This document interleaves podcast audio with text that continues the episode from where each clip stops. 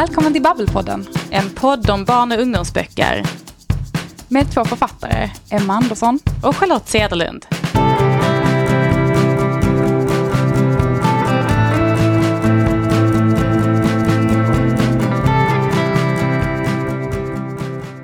Du Emma, om du fick drömma helt fritt och du absolut inte behövde vara realistisk på något sätt. Vad skulle du säga är din största dröm som författare? Alltså vad är det största som skulle kunna hända i ditt författarskap? Oh, svårt att säga. Det finns ju många saker såklart. Mm. Men en grej som skulle vara väldigt stort är ju nog om någon skulle göra film på ens bok. Eller, eller egentligen helst tv-serie skulle jag säga, för att jag älskar ju, jag föredrar ju tv-serier just för att man kan breda ut sig lite mer, eh, precis som i en bok, att gotta in sig och lära känna karaktärer under längre tid. Liksom. Så ja, tv-serie kanske. Gärna typ BBC eller typ HBO. då, då, hade liksom, då hade det, ah, det hade varit top notch alltså. Det, mm, det hade varit en högsta dröm. Mm. Jag håller med, det hade varit men Charlotte, du har väl, du har inte du sålt lite filmoptioner eller hur, hur ligger det till med det där? Jo men eh, när Middagsmörker kom, den har ju några år på nacken nu, då såldes faktiskt filmoptionen till, till ett litet produktionsbolag. Eh, som Ja, de gjorde väl det där första steget. Jag är inte så insatt i filmbranschen, men det första steget var att skriva ett synopsis för eh, filmmanuset och sen så skulle de söka ekonomiskt stöd för det. För det är väl så man har gjort i filmbranschen om jag förstått det rätt. Man måste söka mycket stöd. Eh, för det är svårt att finansiera och det liksom föll på första försöket. Det blev mm. ingen finansiering. Men, men ja, det, fann, det, det liksom väckte, dels väckte det en liten gnutta hopp där då, som sen släcktes ganska snabbt. Men framförallt så väckte det väl en känsla av att det är någonting som kan hända. För det hade jag nog inte tänkt jag trodde att det var Camilla Läckberg som fick göra film på sina böcker, men där insåg man att det kanske ändå görs försök på många andra böcker, men sen blir det kanske ingenting. Nej, men jag tänker ju lite att, att eh, alltså min dröm som författare eller skribent liksom, eller skrivande person har ju alltid varit att få göra många olika projekt. Eller sådär att, att eh, och just typ såhär, att få skriva typ manus till, till liksom, kanske till och med någonting som är baserat på någonting man själv har skrivit. Att liksom få arbeta om och tänka nytt kring, liksom, eh, kring sitt eget verk på något sätt. Jag vet inte, det låter jätte egenkärt. Men, men ändå, eh, att, att få göra det, det tänker jag skulle vara ett sånt himla stort eh, privilegium och så himla roligt. Och, och jag tänker manus är ju ofta också, eller jag tänker det, man, man ser ju framför sig vet, de här manusrummen. Mm. Och just det här liksom att få skriva tillsammans med folk. Jag vet inte om, om det är kanske inte alla, alla författares dröm, de kanske, man tycker om att vara för sig själv, men, men jag skulle tycka det var så himla roligt att få gotta ner mig i min värld med andra personer. Ja, men jag har en jätteromantiserad bild av ja. hur det är att sitta i manusrum. Ja. Alltså jag tänker att det är... Ja, det är liksom, eh, det hade varit en, en riktig high point i min karriär om jag fick göra det. Mm. Mm, nej men jag känner ju att jag har ju följt en författare faktiskt eh, i processen från bok till tv-serie. Eh, det är en väldigt känd person, så liksom man har kunnat följa den här processen väldigt tydligt. Mm. Eh, och jag skulle jättegärna vilja prata med henne om det här. Åh oh, men gud, det hade varit rena drömmen.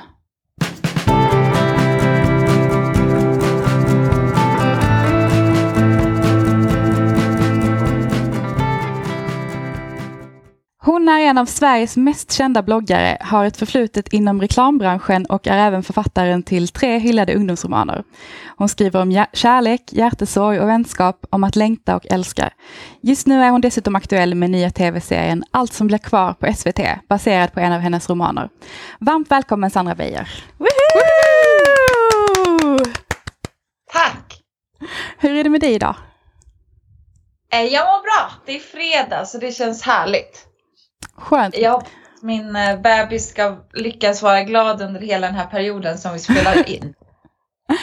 ja, det, det, det, det, vi ska nu, jag hoppas att vi, får, att vi klarar oss, men annars får vi bara ta en liten paus eller någonting. Det löser sig säkert. ja, bra men jättekul att du ville vara med här idag. Vi har ju bjudit in dig för att vi är så nyfikna och även lite avundsjuka eh, på dig som får vara med om att din bok faktiskt blir tv-serie. Det, tänker jag, det är nog eh, de flesta författares dröm tror jag. Men har du drömt om att få se dina karaktärer på filmduken? Ja, absolut. Det, det känns ju, jag tror att som du säger att det är alla författares dröm. Det finns ju någonting magiskt när de här världarna som man har byggt upp eh, liksom blir, vis blir visuella. Eh, det är så spännande och också att se eh, skådespelare eh, gestalta de här karaktärerna som man har hittat på själv. Det är väldigt spännande. Ja, det låter, alltså det, det, det känns, det är lite, lite magiskt tänker jag. Just det här, jag tänker att, att någonting som man har tänkt ut själv kommer ut ur någon annans mun på något sätt. Eller så här, jag vet inte, jag tyckte det var sjukt bara när, man, när ens bok blev typ så här eh, ljudbok och det var någon annan som läste ens ord. Alltså bara det tyckte jag var coolt. så jag tänker att det här ja. måste vara snäppet mer liksom. Ja, det blir som ett eget universum som man mm. själv är liksom härskare. Ja, exakt. Men jag tänker vi tar det från början. Eh, den här tv-serien är som sagt baserad på din bok då Allt som blir kvar. När började du skriva boken och vad handlar den om? Eh, boken kom ut 2016 och jag började nog skriva den 2014. Men jag hade idén till den sedan 2012. Alltså det, men jag tror att man måste så marinera saker länge innan man liksom vågar sig in i det här skrivandet. Men den handlar om en tjej som blir eh, dumpad mitt i sommaren och hon känner att hon inte vet var hon, vem hon är och att hennes hjärta liksom ska explodera av sorg. Och då tar hennes bästa killkompis henne under sina vingar och säger att eh, han ska göra henne glad igen. Eh, de ska komma över honom ihop på en månad. Och ju mer det liksom känns, ju mer saker känns utifrån desto mindre kommer det göra ont i hjärtat. Och så börjar liksom deras äventyr tillsammans där hon flyttar in hos honom. Och sen går det väl lite sådär kan man väl säga. Men bra. ja men härligt. Jag, har, jag läste boken när den kom, men det är ju ett tag sedan nu, men jag minns att jag tyckte väldigt mycket om den. Men jag tänker, eh, skulle du kunna beskriva processen från bok till tv-serie? För jag, jag har läst att det var Baluba som kontaktade dig först, alltså produktionsbolaget då, men att det liksom inte gällde en specifik bok. Stämmer det? Ja, precis, det stämmer. Eh, Baluba kontaktade mig och frågade om jag var intresserad av att skriva manus. Eh, och det kände jag att, ja men vem är inte det? Det vore ju superkul men eh, det har inte jag gjort då liksom. Jag, skriv, jag har jobbat med reklam så jag har skrivit liksom reklamfilmsmanus men jag har ingen utbildning i manusskrivning och sådär. Och det sa Balubas dramachef Erik eh, att det gör ingenting, fundera på om du har någon idé och så kan du liksom eh, skicka in en pitch till oss om du kommer på något. Och då funderade jag lite och eh, så eh, tänkte jag, jag har liksom alltid tänkt att allt som blir kvar skulle göra sig bra i, eh, i rörligt. Och att den historien är ganska liksom eh, eh, Alltså de, de, andra två böckerna jag skrivit är det mycket som sker väldigt mycket inuti karaktären.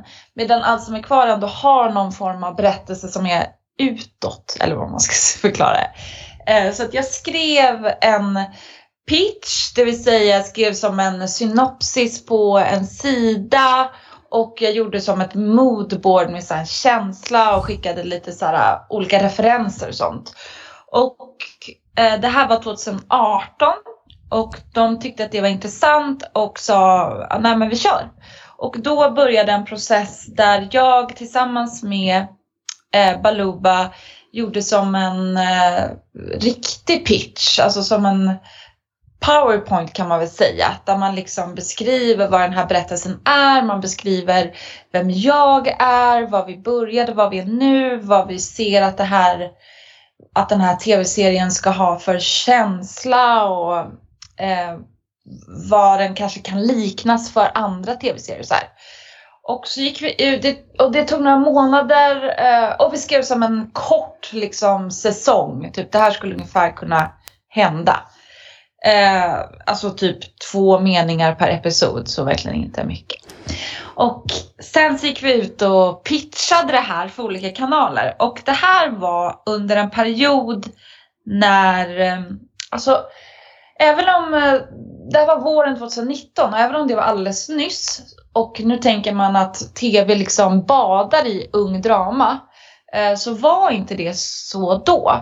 Eh, det gjordes inget ungt drama och det som var det coolaste då det var Stranger Things.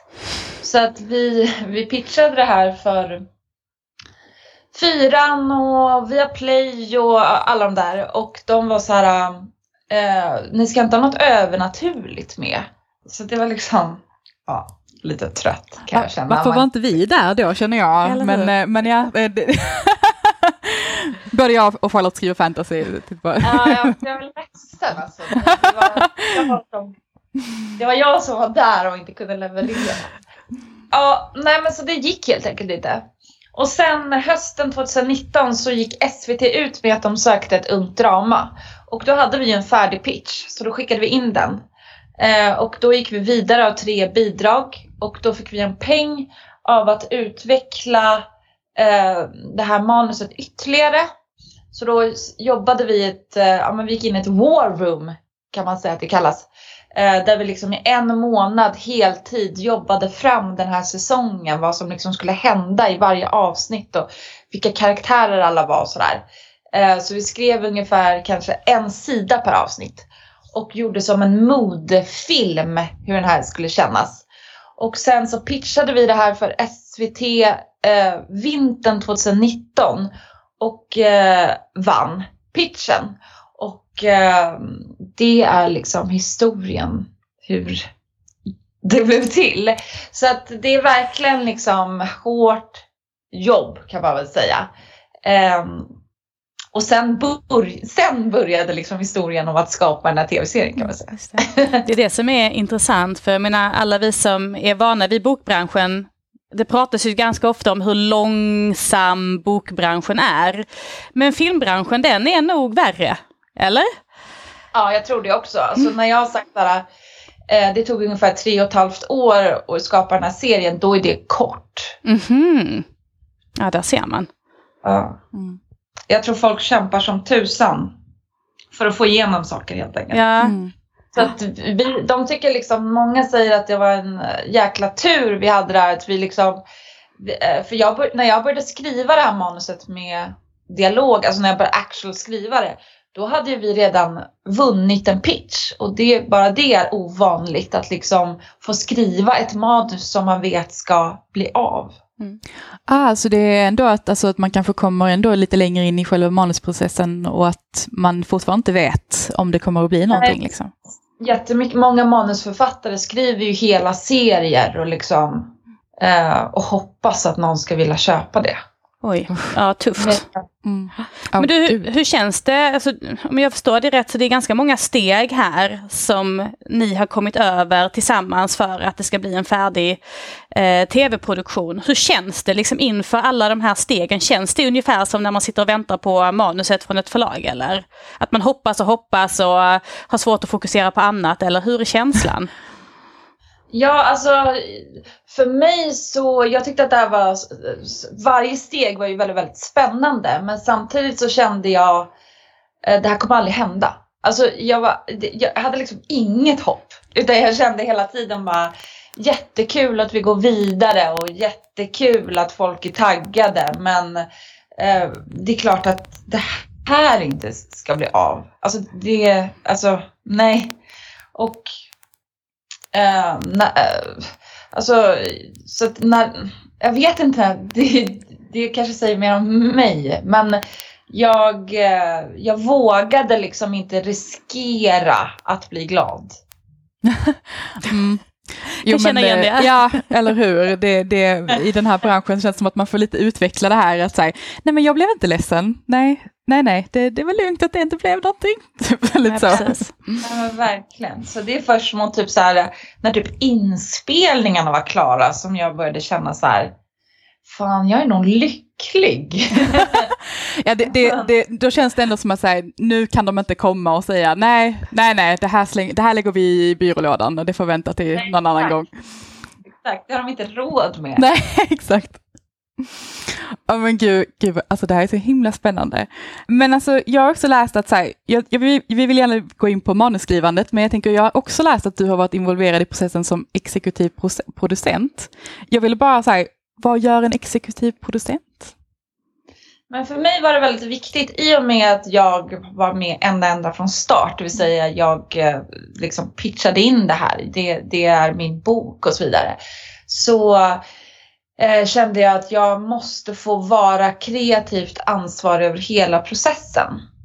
Och i, eh, i film och tv så är det väldigt liksom, allas roller är väldigt liksom specifika. Så att en manusförfattare skriver sitt manus och lämnar sen över till regissören och har liksom ingenting mer med det hela att göra.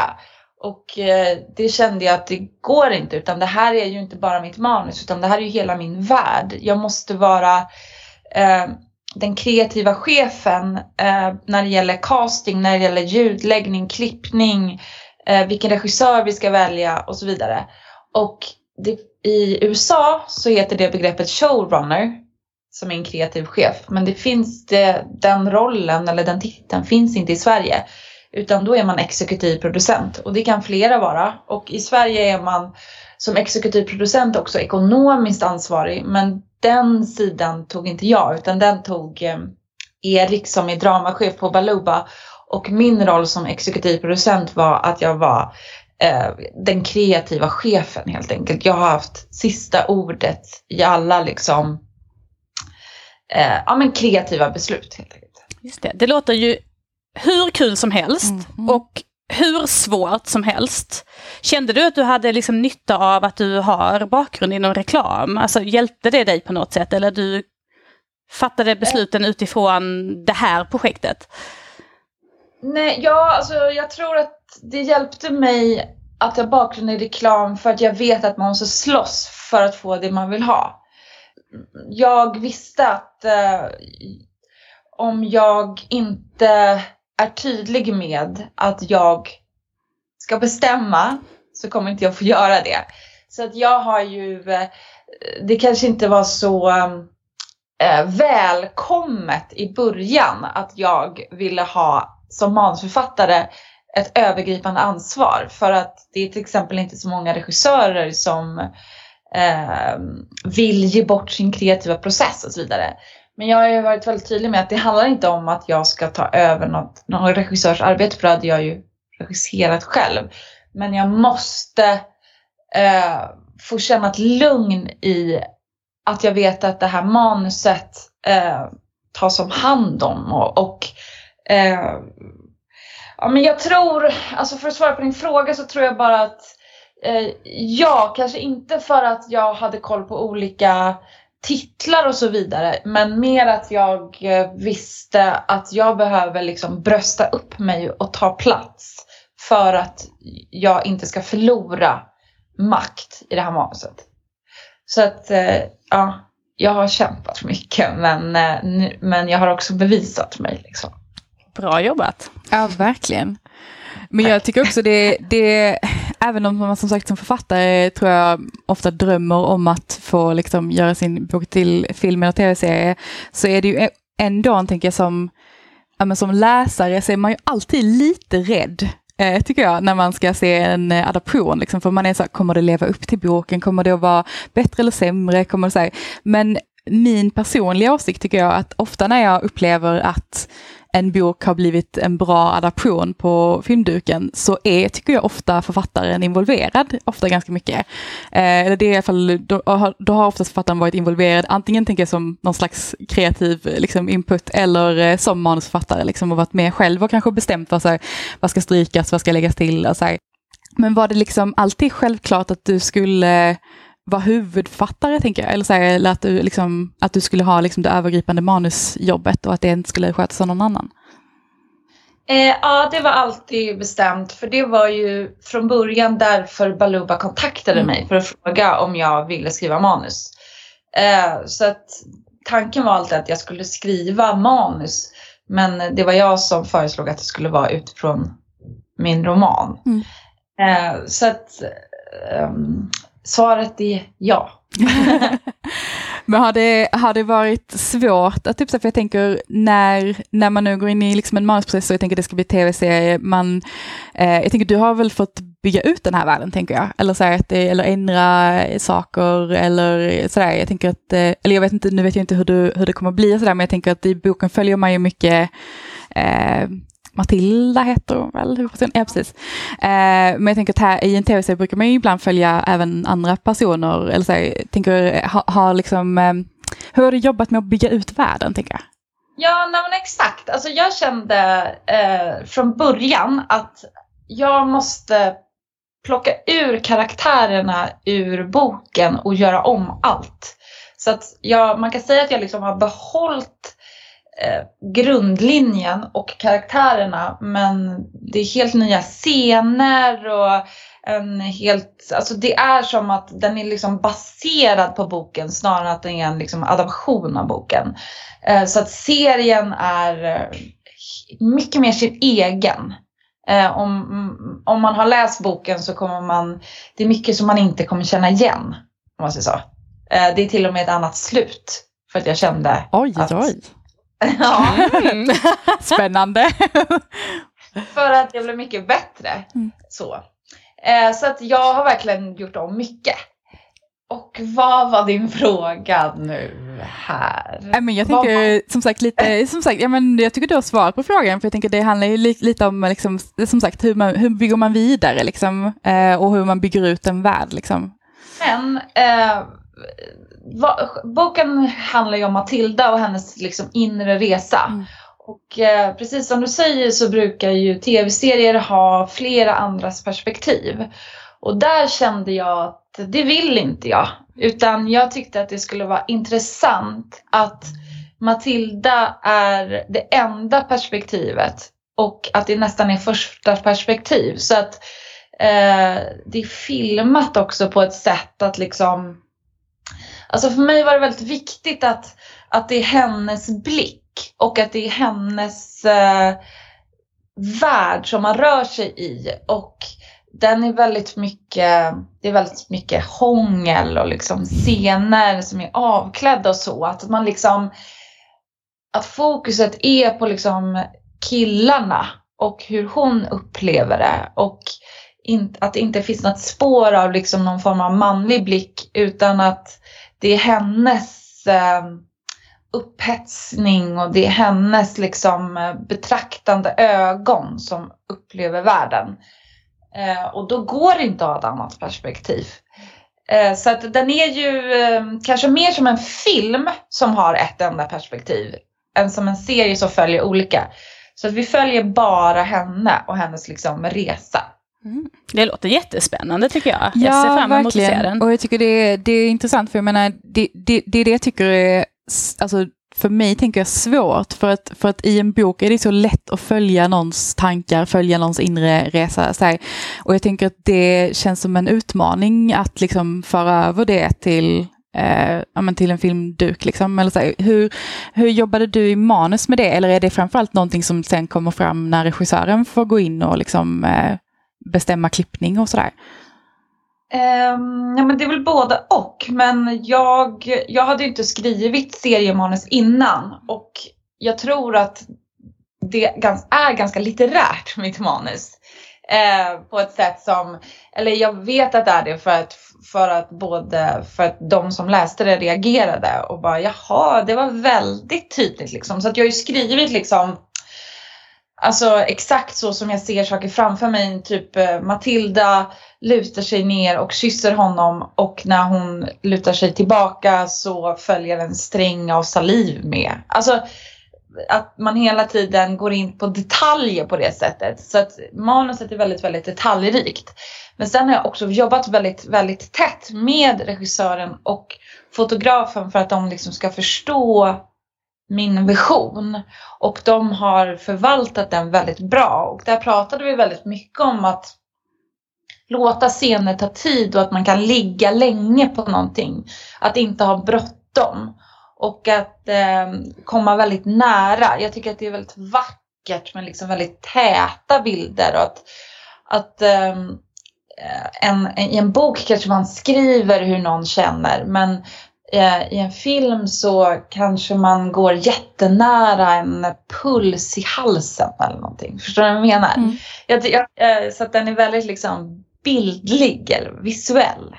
Har det varit svårt för dig att för nu när du beskriver det låter det så självklart, men var det svårt att göra den växlingen? Alltså jag tänker så att, att tänka på sin berättelse utifrån, alltså inifrån perspektivet som det blir när man skriver en roman, till att liksom växla till det här utifrån perspektivet som en serie blir? Eller kom det väldigt naturligt för dig? Eh, jag upplever att det kom väldigt naturligt. Alltså det kändes nästan som att, alltså för mig kändes det nästan som att eh, det här eh, passar nog mig bättre eh, än romanskrivande. Sen får vi se hur det mm. blir. Men jag kände att det, det var flöt väldigt enkelt för mig. Och sen har jag, jag tillsammans, alltså när jag skrivit manuset så har jag jobbat tillsammans med en dramaturg. Eh, så att hon har eh, hållit in, liksom så fort jag börjat spreta ut eller så, så har hon liksom hållit ihop berättelsen.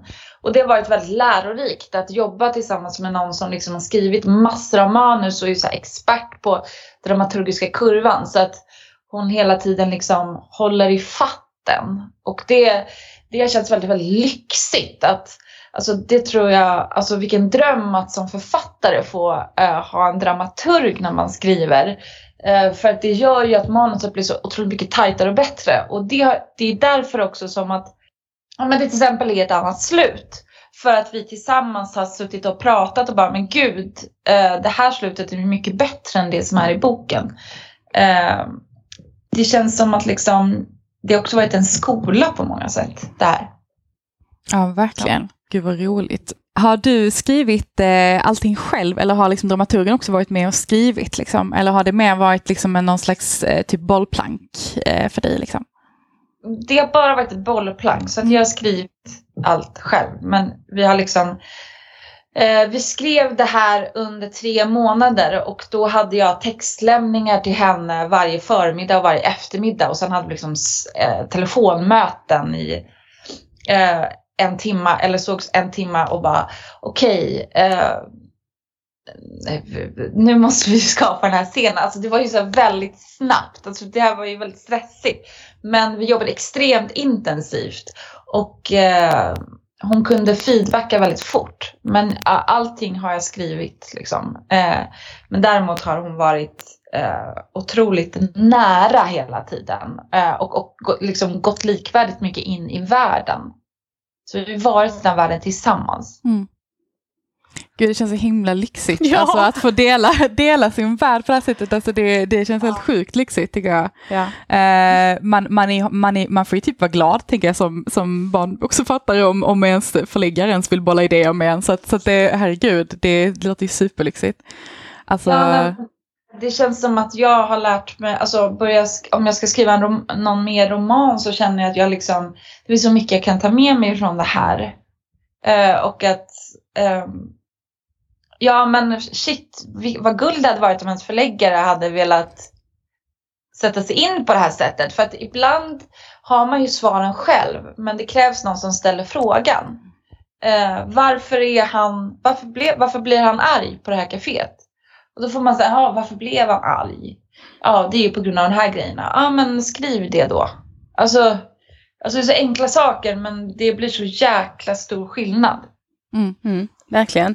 Och jag tänker, du har ju nu, som du beskriver det, så har du ju verkligen alltså, fått, fått bestämma jättemycket själv, eller varit liksom verkligen involverad in i, in i minsta detalj känns det som. Eh, men hur, när kom liksom regissör och skådespelare in i processen? Alltså, hade de alltså, var det någonting som ändrades när de kom in i processen, alltså i manus och sådär, jag tänker när ni, när ni till exempel såg vem det skulle bli som skulle spela en viss person eller så? Eh, ja, alltså alla som kommer in i en process Alltså jag skulle säga att för varje gång det har kommit in någon så har det liksom blivit lite bättre. Eh, för att folk ser det i ett annat ljus. Eh, vi, hade som, vi träffade ganska många regissörer och valde till slut Fanny Ovesen eh, som Eh, framförallt hade gjort en helt fantastisk kortfilm som bara kändes rätt in i den här världen. Och hon eh, Eh, och därför blev det också väldigt enkelt att samarbeta med henne för att vi pratade samma språk. Eh, och hon har också varit väldigt, väldigt mån om att, ja, men den, att min liksom vision ska förvaltas och har bjudit in mig väldigt mycket i sina egna tankar. Och återigen eh, så är det viktigt att man liksom som manusförfattare säger så här, ah, men ska ni göra en ändring i manus, ska ni göra regiändringar i manus så ska jag ha sista ordet. Alltså jag vill alltid se. Alltså man måste hela tiden vara liksom eh, aktiv för att ens manus inte ska flyga iväg. Eh, men alla de ändringar som de hade förslag på eh, har varit eh, toppen. Eh, och det, eh, det kan vara liksom minismå justeringar som en, som en mening som förändras men som bara stärker scenen i ett puff. Eh, och sen när, eh, när skådespelarna har kommit in så då blir det ju plötsligt något helt annat. Alltså ha, har, du, har du inte duktiga skådespelare så det står ju faller med det. Liksom. Eh, så är det ju. Det, är just, alltså, det spelar ingen roll hur bra manus eller regissör du har. Om, om du inte har Eh, någon som kan dramatisera eh, karaktärerna bra så kommer det bli skitdåligt. Så att de har gjort extremt mycket genom att bara existera. Vi hade en väldigt eh, lång och stor castingprocess. Eh, så att eh, ja, men det kändes bra när vi hittade rätt. Just det. Jag blir jättenyfiken på en grej nu, för jag har alltid tänkt, eh, ni vet när författare, eh, stora författare adapterar sina böcker, typ Twilight, mm. och så görs det en stor film och så ser man författaren där som en liten eh, ja, bikaraktär, någon som sitter och beställer mat i baren. Har du gjort något sånt Sandra? Ah, någon cameo? Ja. Eh, nej, det har jag inte. Men jag har däremot gömt olika liksom, interna grejer i manus. Mm, kul. Som bara liksom trogna bloggläsare eh, kommer kunna hitta. Åh, sådana riktiga Easter eggs liksom. Ja, exakt. Wow! Um, jag ska inte säga vilka de är, men uh, det, så jag, har liksom, jag har i text gömt saker. Uh, men jag är inte med och spelar för att jag kände liksom, jag vill verkligen att det här ska bli något seriöst och fint och känsligt liksom. Och jag vill inte att det ska bli roligt för jag kan inte spela teater. Det är inte så att man går förbi i bakgrunden och bara vinkar lite, det kanske känns lite, lite väl. Ja, men om du fick, du fick ta en sån eh, så, så, så känner jag att jag vill också... Eh, eh, jag läst att du fick skriva in musik i manus. Alltså jag gör alltid spellistor till mina böcker och jag känner att jag skulle älska att få ljudsätta en scen. Liksom. Eh, hur tänkte du? Alltså, hade du låtar som du liksom hade tänkt på vissa scener som du nu kände så här, den här, nu ska den få komma in och få ta plats? Ja, när jag skriver, alla mina tre romaner har jag haft spellistor till. Eh, som jag liksom har skrivit eh, i, genom, vad säger man, som jag har skrivit under. Mm. Alltså jag har haft spellistan när jag har skrivit. Mm. eh, men ehm, eh, jag kände direkt när jag började skriva manus att jag behövde skriva in musik i manus för att man skulle förstå exakt vad för känsla jag var ute efter. Så att jag frågade Baluba, eh, kan man skriva musik i manus? Och då sa de ja, annars kommer ju någon annan välja det. Så det, det är väl smart. Eh, och då kände jag att nu jävlar. jag, eh, jag har skrivit in musik eh, överallt.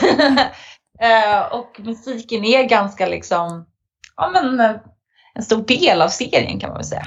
Men hur funkar det med rättigheter och sånt? Eh, alltså, har, har alla dina förslag fått vara kvar eller de, något har försvunnit?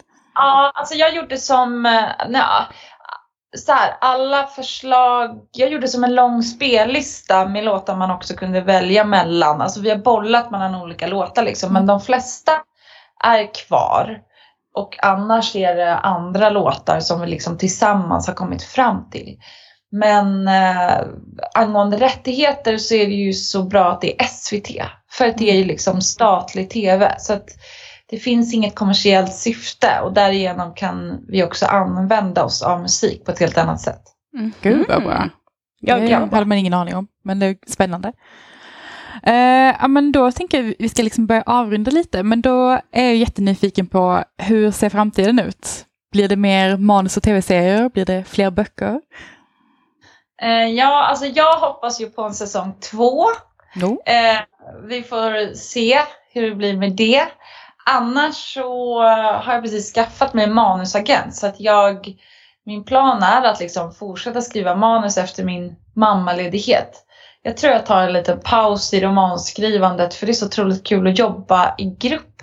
Jag tyckte att det varit så härligt liksom. Att inte vara ensam. Jag, jag har skrivit tre romaner liksom direkt efter varandra i nästan tio år och fuck det är så jävla ensam. för att det har varit så härligt att liksom jobba med skådespelare, fotograf och regissör och annan manusfattare. Och, alltså det har varit väldigt givande. Jag kan tänka mig det. Det låter äh, verkligen som varför, drömmen. Precis, varför tror du vi bloggar? Det är också att vi är så ensamma på, vår, ja, på, på, på, våra kammare så vi behöver göra någonting ja. kul också. Äh, ja, gud. Åh, vad lyxigt. Ja, men det, vi önskar dig ju jättestort lycka till och hoppas att det blir, eh, om inte annat än säsong två.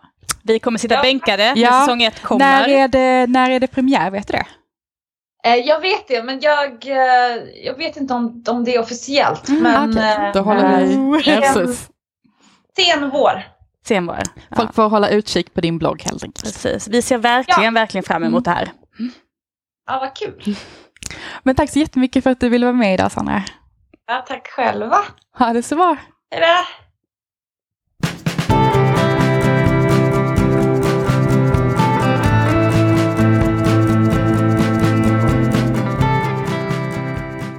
Gud, vilket intressant samtal. Alltså kändes det som rena drömmen eller det som Sandra berättade? Ja men verkligen, alltså, som sagt, man hade varit glad nog att någon bara ville göra en adaption av ens bok och att sen dessutom få vara involverad i manusprocessen och inte bara manusprocessen, man får även vara med och bestämma. Alltså typ så här, hela visionen, hela allting runt omkring.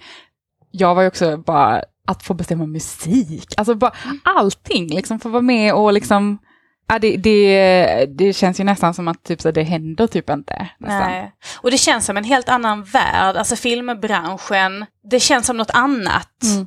Något exotiskt, får ja. man väl säga från vår sida. Liksom. Men, men eh, det är mycket där, var mycket som Sandra berättade som jag inte hade någon aning om. Så mm. det var väldigt spännande att höra. Ja, jag håller med. Håller med verkligen. Jag undrar hur eh, produktionsbolaget tänkte när de tog kontakt med henne, för det är ju jätteintressant att de valde henne. Ja, och jag tycker det är fascinerande just att, att det var de som kontaktade henne, alltså henne som författare och liksom inte, för oftast tänker jag för oss, oss författare att det går tvärtom, att så här, någon, någon ser vår bok och vill ha den, liksom.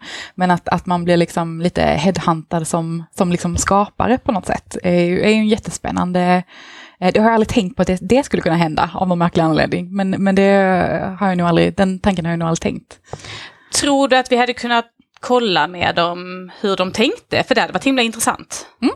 Ja, men det tycker, det tycker vi borde göra. Ska vi ringa dem? Yes!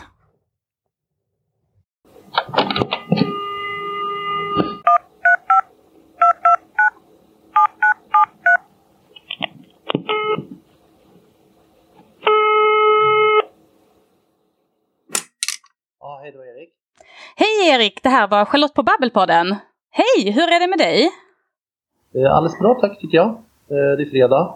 Jag eh, vet inte för jag lyssnar med idag, men för mig är det det jag sitter och pratar nu. Så att, det känns bra tycker jag. Och sportlov vankas runt hörnet i min värld. Härligt! Eh, du, du är ju dramachef på produktionsbolaget Baluba som har producerat Sandra Beijers tv-serie Allt som blir kvar. Och vi intervjuade precis Sandra och hade en jätteintressant intervju med henne men fick ju lite fler frågor som vi gärna skulle vilja ställa till dig. Är det okej okay om vi gör det? Absolut. Kanon, tack! Eh, om vi förstod det rätt så var det ni som kontaktade Sandra för att starta ett projekt tillsammans. Vad var det i hennes berättande som ni hade fastnat för? Uh, men jag eh, läste ju flera av hennes böcker och hon har ju, tycker jag, ett väldigt eh, härligt språk när hon skriver. Som är eh, så här, som man snabbt förälskar sig i, tycker jag. Men sen så är det så här, som ofta är nu med, eh, med tv-serier, så är det ofta ganska mycket personen bakom också som intresserar en på olika sätt. Alltså vem, vem den personen är och vad den gör och vad den står för, tycker jag.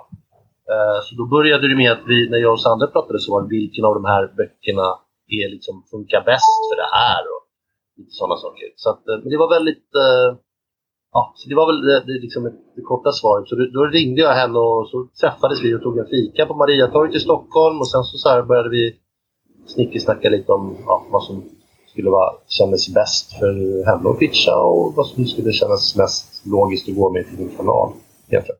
Ja, just det. Men var din tanke alltid att det skulle bli någon av hennes böcker eller hade hon kunnat säga att jag vill skriva någonting helt nytt? Absolut, det hade hon kunnat göra.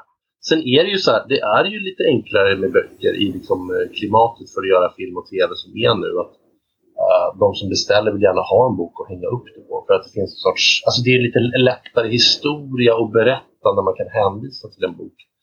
Uh, så, så, men, men, vi pratade länge och alltså, pratar ju fortfarande om att jag tror att Sandra har, om hon vill, liksom en lång karriär att skriva på TV för att hon gör det väldigt bra tycker jag. Så det här vi pratar om, vad är det för nästa förhistoria som ska skrivas inom... Uh, jag vet inte. Jag, jag tycker att den här unga vuxna-genren, som kanske är en, uh, lite så en svår... Uh, jag, jag, tycker alltid det med unga vuxna är ett sånt svårt begrepp. Liksom, vad är det? Det, det spänner ju över så många så lång tid på något sätt. Så att, det, det är väl lite, tycker jag, jag, tycker, jag försöker hitta på någon ny terminologi som jag hittar på en. Tips. Eh, så att om det är med den, den typen av berättelser som handlar om sånt som så här, ung kärlek och så, det är ju väldigt eh, tacksamma och roliga. Ja, just det. Men alltså behöver man tänka på något särskilt sätt när man skapar för tv och just den här då unga vuxna publiken eller vad vi nu ska kalla den för? Nej, men jag tycker att generellt så är ju eh, te, att se på en serie om man tar till allt som blir kvar som är Sandras bok som är, tycker jag, och det tycker hon själv också tror jag, det, det handlar ju rätt mycket om alltså vad en person känner på insidan. Medan mycket av det som man ser på TV har i alla fall historiskt sett varit eh, händelser. Att det ska ske saker som vi ska betrakta. Så det är därför som många av de här tusen krimböckerna blir, blir alltid filmade för att det finns alltid en tydlig linje man kan följa i det där. Uh, jag tycker att det finns, det har kommit olika saker genom åren, de senaste åren så tycker jag har förändrat det så att man kan se på unga vuxna på ett annat sätt. Uh, jag tycker som Normal People, den här Sally Rooney-boken som de gjorde ju Kärleksdåren som jag tyckte var otroligt uh, som jag, jag, hjälpte mig väldigt mycket i filmatiseringen av den här boken. Att så här, det måste, för att själv kanske jag är lite tv-skalig där, att det måste ske olika plottar som man pratar om i tv. Man pratar om en A, en B och en C-plott. Det är samma sak för er som är författare, de har, har de här olika linjerna. Men att man, man, så att där vi kanske var i början, och där har ju Sandra varit väldigt, jävligt bra idé där hon har också litat på eh, liksom känslan som hon har och känslan i karaktärerna. Men jag kanske varit att det måste hända mer. Men jag tycker när vi tittar på serien nu, och den kommer ju 19 maj premiär, så tycker jag att det är en väldigt fin serie också som är så ja, den handlar mycket om bara tre personer och den går väldigt mycket in i dem på ett sätt som, som är jävligt spännande tycker jag. Jag hoppas att tittarna gör det också. Men, men det var ju en eh, det var ju verkligen en process att försöka, vad, vad är det där i bokform som också ska bli någonting på, ja, på vita duken eller vad man kallar det. Ja men just det. Har ni jobbat med adaption av böcker tidigare? Eh, det har vi gjort eh, i lite olika varianter. Eh, man får får ju också, som den här branschen funkar väldigt mycket, så får ju vi väldigt mycket böcker innan de ens kommer ut i handeln. Så blir det ju väldigt mycket, vi är ett ganska litet bolag men många av de andra större bolagen så blir det väldigt mycket budkrig om vem som ska få göra dem och det har väl historiskt sett varit väldigt mycket eh, liksom krim förstås för att den svenska crimevågen har varit så stor och stark. Så, så men vi har inte gjort så mycket. Då. Vi har gjort en del, eh, en del andra böcker. Ingenting som har filmats än men ändå gjort adapteringar av dem och ser hur man ska ta ut dem i liksom i filmmanus eller seriemanusform. Det har vi gjort. Ja, just det. Eh, Sandra berättade också, du var inne lite på det här precis eh, i det första, att hon gärna ville ha en ganska stor eh, kreativ kontroll under den här processen och också då att det inte är jättevanligt kanske att man har det som manusförfattare. Hur har det egentligen tagits emot under hela den här långa processen? Tänker du hur, för, från kanalen och så? Eller Ja, egentligen bara i och med att om vi förstod det rätt att det var inte helt vanligt. Hur har det varit att jobba på det sättet? Det är inte, det är inte helt vanligt, framförallt kanske inte eftersom Sandra hade skrivit hon har inte skrivit något på TV innan. Annars finns det ju lite med sådana där eh, författare som också blir producenter. Men alltså, jag ska säga, jag tyckte det var lite svårt i början men jag har sen under resans gång har förstått att det har varit liksom lyssnaren. Alltså det hade inte blivit bra så här. Om, det hade inte blivit så här om inte hon hade varit med. Så det tänker jag för oss har varit en stor läxa. Sen tror jag att där går väl kanske vi lite mer mot den amerikanska eh, man ska, liksom den amerikanska modellen där man pratar om eh, exekutivt producentskap som man kan få som en titel. De kan betyda lite olika saker i olika länder men den blir ju fler och fler som, som får tror jag i produktioner. Så det är ju det Sandra har i den här. Där hon har, hon har ju också tryckt Eh, bestämt jättemycket. Alltså verkligen i så här, och det, även i, när hon skrev manus, vad hon ville redan där, så den här låten var väldigt, väldigt specifik och väldigt... Uh, så det har varit så Uh, det har varit jävligt kul att jobba med henne tycker jag och väldigt imponerad av det sätt hon har gjort det. Det har tagits emot bra tycker jag. När vi väl kom fram till att det är så här vi gör så har det varit väldigt så här, uh, väldigt smidigt. Och det, det, har ju, det är mycket Sandras förtjänst, SVTs förtjänst för de har en väldigt bra producent där. Också regissören Fanny Ovesen som är det är också när man har en väldigt stark, som regissören har ju historiskt sett alltid en väldigt stark kreativ roll. Och så har man en annan stark kreativ kraft bredvid henne. Och det är liksom hennes bok. Det kräver också rätt mycket så att man pallar att ta ett steg tillbaka och att de fick jobba. Men jag, jag tyckte det funkade ja, liksom, fantastiskt eh, på många sätt. Det är för att eh, ja, det har ju varit kreativt har ju varit eh, eh Sandra som har varit ledare i det här projektet. Alltså, eh, på amerikanska tv-serier pratar mycket om en showrunner som är lite mer som en, en regissör men också manusförfattare. Så jag skulle säga att det, det, har ju varit mer här där hon har haft liksom det övergripande ansvaret kring, kring klippningen. Sen var ju inte hon alltid på, på, på inspelningsplats. Liksom. Det var hon några gånger så det överlät hon till regissören att göra de valen där. Och sen när det var i klippningen så var det lite i början så här, lite gnissa, hur ska vi göra här? Men när vi väl hittade en form som vi gillade uh, tillsammans, då klipptes och klippprocessen var också faktiskt väldigt, uh, ja, det är ganska en, enkel i den aldrig, men den var lättare tycker jag, än vad den brukar vara. Just det. Ja, men det är intressant att höra. Jag tror vi, vi var båda väldigt imponerade av hur Sandra själv beskrev processen eftersom vi kände att hon, hon kändes väldigt trygg och säker i liksom vad det var hon ville skapa. Och att det är en häftig känsla att bära på. Men, men vad känner du nu? Det är inte jättelång tid kvar innan serien ska komma ut. Vad har ni för förväntningar och förhoppningar när den släpps? Jag minns jag läste, eh, eller så här, Henrik Schyffert sa vid något tillfälle att förväntningar är alltid det som knäcker en. Alltså folk tänker så här, det här ska bli så eh, det ska bli fantastiskt och det är inte det. Och då, då tar jag alltid koll på. Så att, eh, jag vet inte hur mycket jag ska... Jag tycker att när jag... Eh, igen, det finns ju... Eh, det här är en, en udda fågel som serie på det sättet. Alltså det är någonting som inte är helt vanligt att se. Vi har ju till exempel den här episod 4 som Sandra ville ha liksom i en säng en hel episod som man tänker på pappret är så att det, det kommer ju inte gå. Men det gör det. Liksom. Och det är för att det är så det är små, små nyanser i, uh, i det där. Och där, där liksom, som Sandra har skrivit och Maria Klaus som också var med som manusförfattare och, och stöttade Sandra i det där. Liksom deras tror jag, kombinationer mellan dem och hur de liksom jobbade lite ihop med den. Det är ju Sandras liksom, och vad de säger. Det kommer ju från henne mycket. Men jag tror att många kommer tycka att den är Eh, spännande. Det kräver, sin, eh, det kräver att man engagerar sig i de första liksom, tre episoderna tror jag. För att den är rätt så långsam. Det är också Oscar Sia som är med. Man är typ inte riktigt van att se honom som skådis på det sättet. Så det är lite så här, man måste ta in honom. Men skådisarna är, eh, det är ju Oscar Sia och sen är det Erik Enge som var med i Tigrar, som Ronny Sandahls film. Och sen en tjej som heter Madeleine Ferrar som är eh, hon som är i huvudrollen, den stora huvudrollen som spelar Matilda. Hon är jätte, jättebra tycker jag. Så att det är väldigt, väldigt fina eh, skådespelare. Och jag tycker att när man väl kommer in efter liksom halva avsnitt två, då liksom rycks man in i det där. Då är det en, en värld som jag tror att eh, ja, många kommer gilla. Det är en ganska liten serie, som ett kammarspel, där vi följer de här tre människorna som på väldigt nära håll. Så att eh, det är en, liksom en eh, ja, jag tycker att det är en, igen, den där som säger en udda fågel på ett bra sätt. Att den, den är inte helt vanlig liksom, och sticker ut lite grann från det övriga man har sett, tycker jag. Just det. Ja, men vi ser väldigt mycket fram emot att ryckas in i detta och se vad det är ni har skapat för någonting. Och tack snälla för att jag fick ringa dig och ställa lite frågor. Det var, det var jätteroligt att prata med dig. Ja, detsamma. Ja, eh, ha det fint! Ja, tack så mycket. Mm. Hej då! Hej då!